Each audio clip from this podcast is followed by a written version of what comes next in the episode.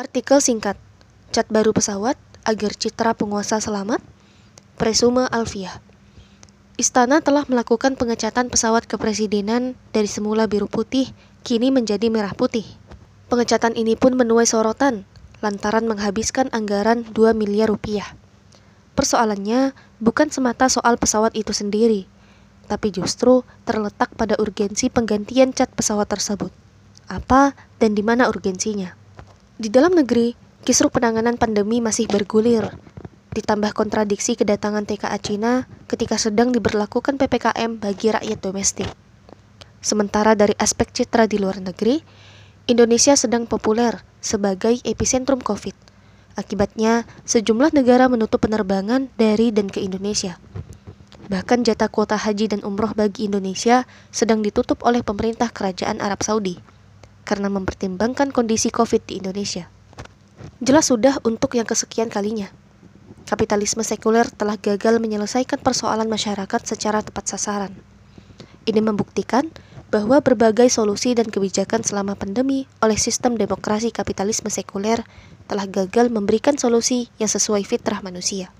Tapi, ketika rakyat mencoba bersuara, menyampaikan aspirasi atau bahkan amar ma'ruf nahi mungkar, mereka malah dibungkam dengan cara dikriminalisasikan. Padahal di sisi lain, kondisi pandemi kian memprihatinkan dan terus mendesak. Tentu hal ini sangat jauh dari gambaran sabda Rasulullah Shallallahu Alaihi Wasallam. Imam atau khalifah adalah pengurus dan ia bertanggung jawab terhadap rakyat yang diurusnya. Hadis riwayat Muslim dan Ahmad.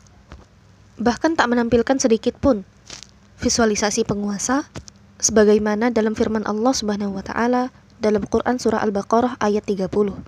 Allah hendak menjadikan seorang khalifah di muka bumi. Penguasa yang diridhoi Allah tentunya penguasa yang juga menerapkan seluruh aturannya secara kafah, yakni aturan yang sesuai fitrah. Tidak mungkin mereka adalah penguasa yang menerapkan aturan yang selalu mengkriminalisasi para penyeru amar ma'ruf nahi mungkar dan aktivis dakwah.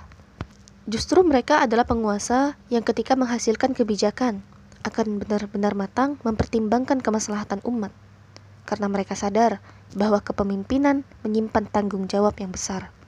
Demikianlah kebijakan cat pesawat kepresidenan yang tak ubahnya bukti kekalutan akibat penerapan sistem yang multistandar.